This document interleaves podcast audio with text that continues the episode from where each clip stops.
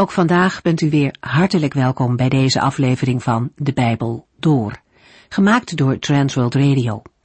Voor meer informatie kijkt u dan op onze website transworldradio.nl. In deze serie gaat u in vijf jaar tijd met ons de Bijbel door, van Genesis 1 tot en met het laatste vers in Openbaring 22. Ook vandaag lezen we verder uit het boek Hooglied, een boek waarin de liefde tussen bruid en bruidegom centraal staat. Maar in het vervolg op die eerste letterlijke bedoeling halen we er ook lessen uit voor ons leven van nu. En voor onze verhouding tot de Heer Jezus.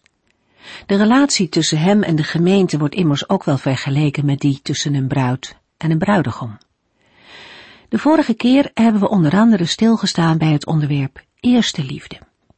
De eerste liefde verwijst naar de begintijd van de liefde, een periode waarin de wereld wel stil lijkt te staan en alleen de liefde er nog toe doet.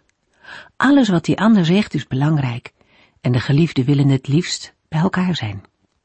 En deze liefde, vol verrassing en toewijding, kan in de loop van de tijd verdwijnen. De glans kan eraf gaan. Ook in onze liefde voor de Here kan dat voorkomen. De Bijbel doet een beroep op ons om het er niet bij te laten. Het is niet de bedoeling dat de glans van die liefde verdwijnt, integendeel. Liefde voor elkaar en liefde voor de Heer mag zich steeds meer verdiepen.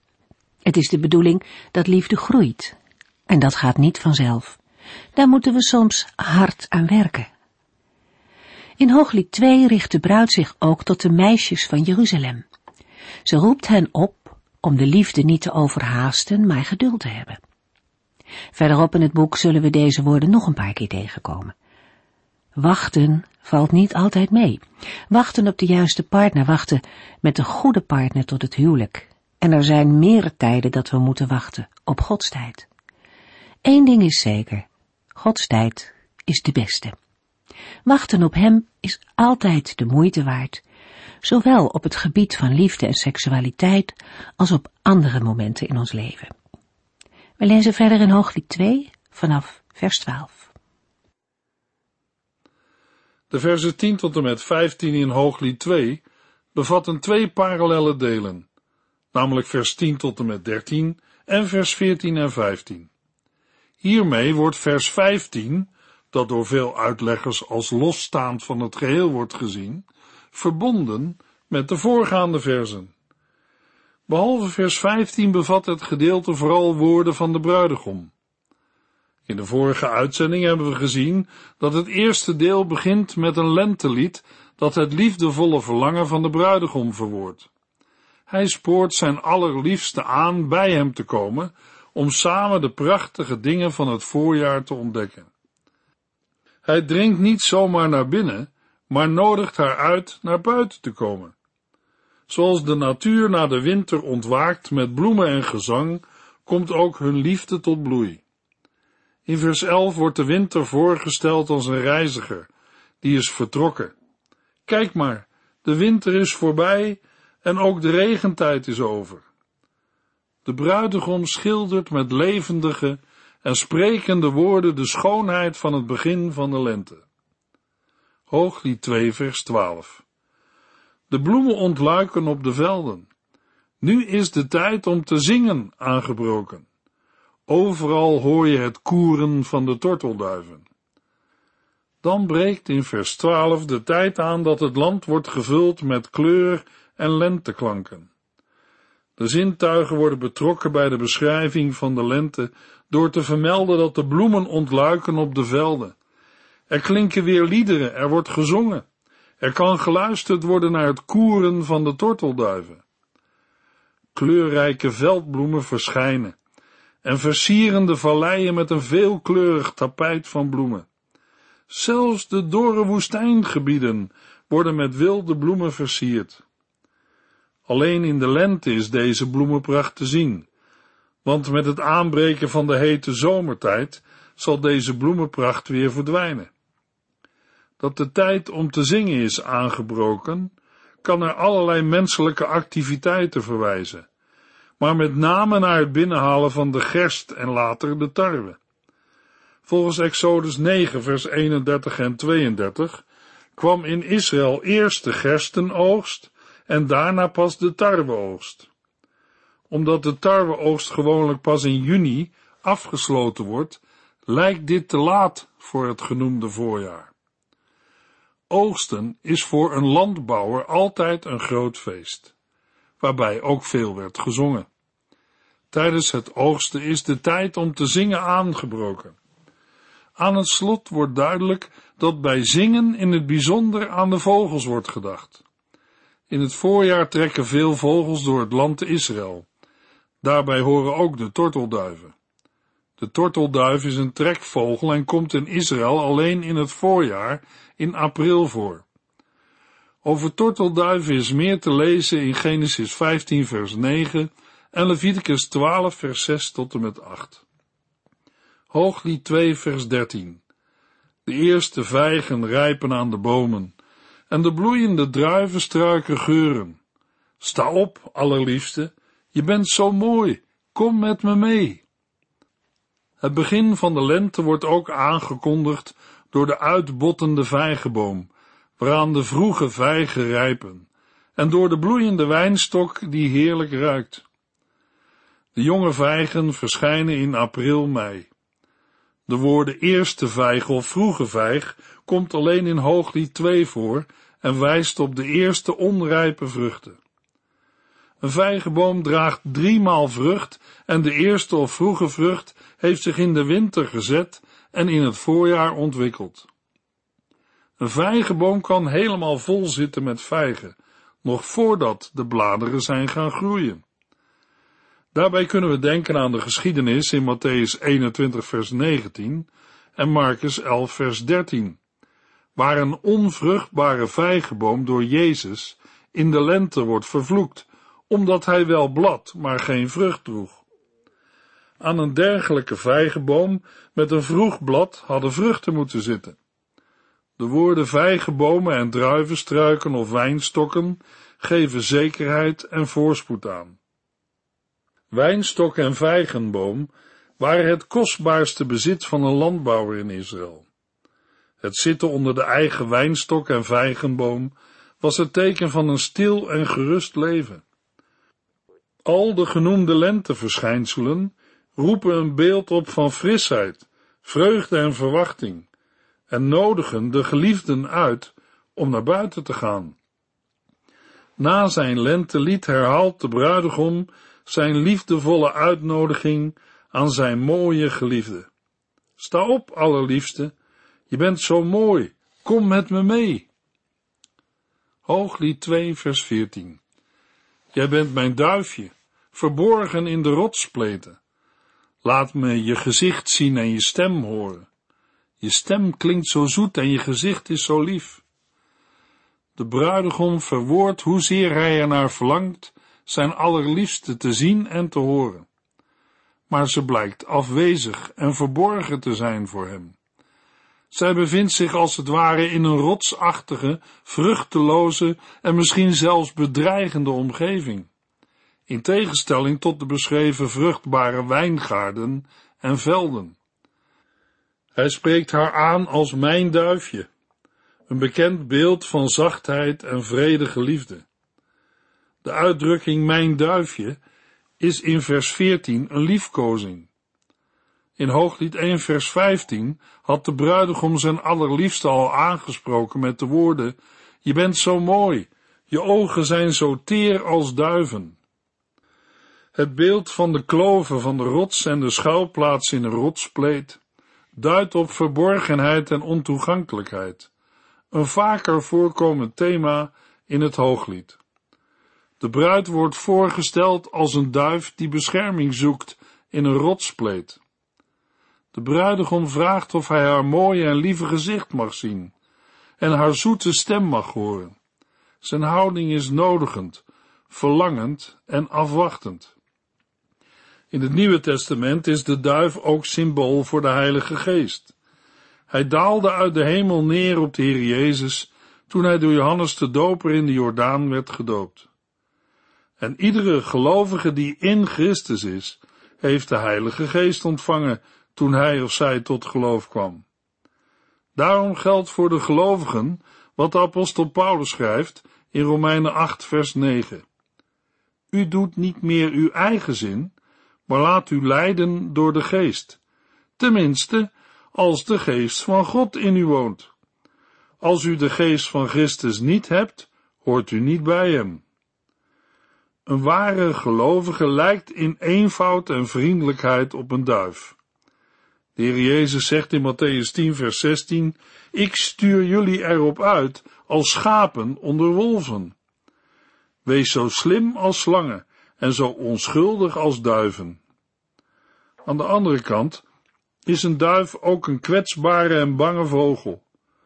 De Heere zegt over zijn volk Israël in Hosea 11 vers 11, als een zwerm vogels zullen zij uit Egypte komen aanvliegen en als duiven aanwieken uit Assyrië. Ik zal hen veilig naar huis brengen. Een duif zoekt niet voor niets een verborgen rotspleet op.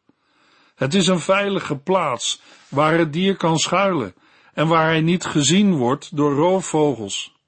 Een duif heeft verder geen andere mogelijkheden ter verdediging. Als in de Bijbel gelovigen onder andere met duiven worden vergeleken, is het mooi om te bedenken dat Christus de rots is waar we altijd kunnen schuilen. Hooglied 2 vers 15 Vang de jonge vossen die onze wijngaarden ruïneren. De druiven bloeien nu immers. In vers 15 is het onzeker wie spreekt en wie aangesproken wordt. Een reële optie is dat de meisjes van Jeruzalem spreken. Dan heeft dit vers een retorische functie en dient het als een waarschuwende oproep. Ondanks de onduidelijkheid is het beeld van de vossen die schade brengen aan de wijngaard veelzeggend. Al in de oudheid stond de vos bekend als een sluwe en geduchte rover, waarbij ook hun voorliefde tot het roven van druiven uit wijngaarden bekend was. Hoewel vossen maar klein zijn, kunnen ze veel kapot maken. Er zijn verschillende soorten vossen. De aanduiding jonge of kleine vossen kan betrekking hebben op de woestijnvos. Een dergelijke vos weegt niet meer dan anderhalve kilo en heeft grote oren. Deze vossen leven soms in kleine groepen tot maximaal tien dieren met een mannelijke leider. Over vossen lezen we ook in Psalm 63 vers 11, Nehemia 4 vers 3 en Klaagliederen 5 vers 18. In beeldspraak kan een vos duiden op mensen die met verwoestende gevolgen optreden.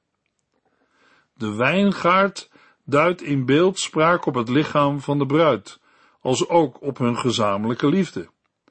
Het verlangen hun liefde met elkaar te delen wordt uitgedrukt in het beeld van onze wijngaarden. De geliefden beseffen dat zij de bloei hiervan moeten onderhouden en tevens waakzaam moeten zijn voor gevaren van binnenuit en van buitenaf. In oude teksten wordt wel over vossen gesproken met betrekking tot jonge mannen die seksueel belust zijn op meisjes en hen bedreigen. Dan is vers 15 een waarschuwing voor jonge vrouwen tegen jonge mannen die hun ondergang teweeg brengen. Jonge vossen zijn in beeldspraak ook een aanduiding van onze subtiele menselijke zonden.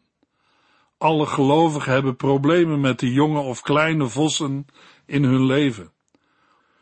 Ondanks alles proberen ze steeds weer je leven binnen te dringen. Om één voorbeeld te noemen, een man bewondert een mooie vrouw. Hij wil haar niet begeren. Hij heeft immers een eigen vrouw en wordt door de heren vermaand uit zijn eigen bron te drinken. Maar op een onbewaakte ogenblik loopt zijn hart toch vol met allerlei lustgevoelens en onreine gedachten. Mannen, wij worden opgeroepen in Hooglied 2 vers 15, vang de jonge vossen die de wijngaarden ruïneren. Jonge vossen komen natuurlijk niet alleen bij mannen voor, maar ook bij vrouwen. Maar hoe zal een mens zulke jonge vossen vangen? In Psalm 119 lezen we in vers 9 tot en met 11, hoe kan een jonge man zuiver leven? als hij zich laat leiden door uw woord. Met mijn hele hart wil ik u volgen. Helpt u mij om niet van u af te dwalen? Ik vul mijn hart met uw woorden. Dat is de enige manier om niet te zondigen en u geen verdriet te doen. We vinden in deze woorden een aantal aanwijzingen die ons kunnen helpen. Als een mens zuiver wil leven, moet hij zich laten leiden door Gods woord en het verlangen hebben om de Heere met zijn hele hart te volgen. Daarnaast is hij zich bewust van zijn eigen kwetsbaarheid, kleinheid en zonden. Hij of zij weet, de enige manier om de Heere geen verdriet te doen, is dat ik mijn hart vul met zijn woorden. Luisteraar, ach, u weet het wel. Het is geen gemakkelijke opgave, de jonge of kleine vossen die de wijngaarden ruïneren te vangen. De zuigkracht van de zonde is overal om ons heen en probeert langzaam maar zeker tot zijn doel te komen. Het is treffend verwoord in Psalm 1, vers 1. Gelukkig is de mens die in de wandeling niet luistert naar de raad van slechte mensen, die niet blijft stilstaan op de weg van de zondaars en vermijdt te zitten bij hen die met God spotten. In dit vers zie ik een mens door het leven heen wandelen, op zijn of haar levensweg. Wij kennen die weg niet, maar de Heere wel, en op die weg gebeurt er van alles. Op de levensweg van een mens wordt van alles geroepen. Luisteren wij naar de raad van slechte mensen? Slechte mensen zijn in de Bijbel mensen die geen rekening houden met God. Als je naar hen luistert, blijf je stilstaan op hun weg. Van luisteren en stilstaan kan het komen tot een bij hen gaan zitten. Het gaat niet allemaal tegelijk. Langzaam maar zeker wordt een mens ingepalmd en dan ontdek je dat je er middenin zit. Psalm 1 zegt, gelukkig is de mens die niet luistert naar de raad van slechte mensen, die niet blijft stilstaan op de weg van de zondaars en vermijdt te zitten bij hen die met God spotten. Voor het niet luisteren, niet blijven stilstaan en niet gaan zitten bij hen die met God spotten, is ieder mens zelf verantwoordelijk en moet daar zelf de consequenties van dragen. Hooglied 2 vers 15 Vang de jonge vossen die onze wijngaarden ruïneren. De druiven bloeien nu immers. Deze laatste woorden geven aan dat het prachtig is dat de druiven bloeien. In beeldspraak dat man en vrouw tot volle bloei en ontwikkeling komen. Het geeft een man en een vrouw de mogelijkheid om binnen de grenzen van het huwelijk van elkaar te genieten. Maar er zijn ook gevaren. In Prediker 7 vers 26 zegt Salomo, Ik ontdekte iets dat bitterder is dan de dood. Een vrouw die tot ontucht wil verleiden. Ze is een valstrik en een vangnet. Wie met God leeft, ontsnapt daaraan, maar zondaars raken in haar web verstrikt. In Spreuken 5 waarschuwt Salomo als wijsheidsleraar tegen de verleidingen van de vrouw die niet de jouwe is. Zij fluistert lieve woordjes met haar gladde tong, maar trap je erin, dan leer je dat schijn bedriegt, want wat tenslotte overblijft is bitterheid. Zij volgt een weg die naar de dood leidt. Haar voeten brengen haar rechtstreeks naar de hel. Haar woorden en daden draaien je een rad voor de ogen, zodat je haast ongemerkt de levensweg verlaat. Maar, kinderen, luister naar mij en houd je aan wat ik zeg. Blijf bij haar vandaan en ga niet naar haar huis. Laat je eer en aanzien niet bij haar achter. Stel je beste jaren niet in de waagschaal en lever jezelf niet uit aan meedogenloze mensen. Geef vreemden niet de kans om op jouw zak te teren en je zuur verdiende geld erdoor te jagen, zodat je het tenslotte, wanneer je lichamelijk en geestelijk aan het eind bent, niet uitschreeuwt.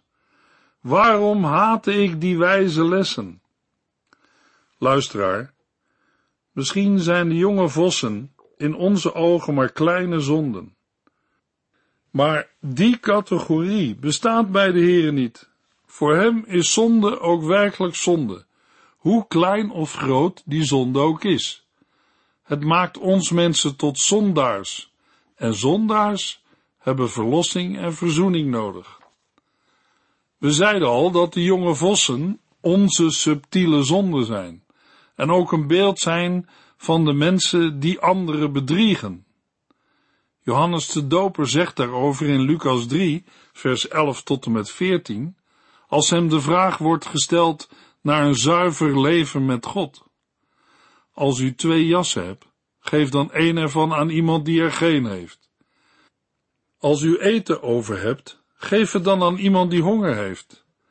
Wees voortaan eerlijk en vraag niet meer tol dan voorgeschreven is. Pers niemand iets af. Gebruik geen geweld of valse beschuldigingen. Johannes de Doper stelde ook de levenswandel van gouverneur Herodes aan de kaak, van wie de Heer Jezus later zei in Lucas 13 vers 32, waar enkele fariseeën hem vertelden dat Herodes hem wilde laten doden. Zeg maar tegen die vos dat ik vandaag en morgen gewoon doorga met het wegjagen van boze geesten en het genezen van zieken. Kleine zonden bederven de goede omgang met Christus en christenen onderling. Het kan al beginnen met dingen die een mens nalaat. In Jacobus 4 vers 17 lezen we, als u weet dat u iets moet doen, maar het nalaat, zondigt u.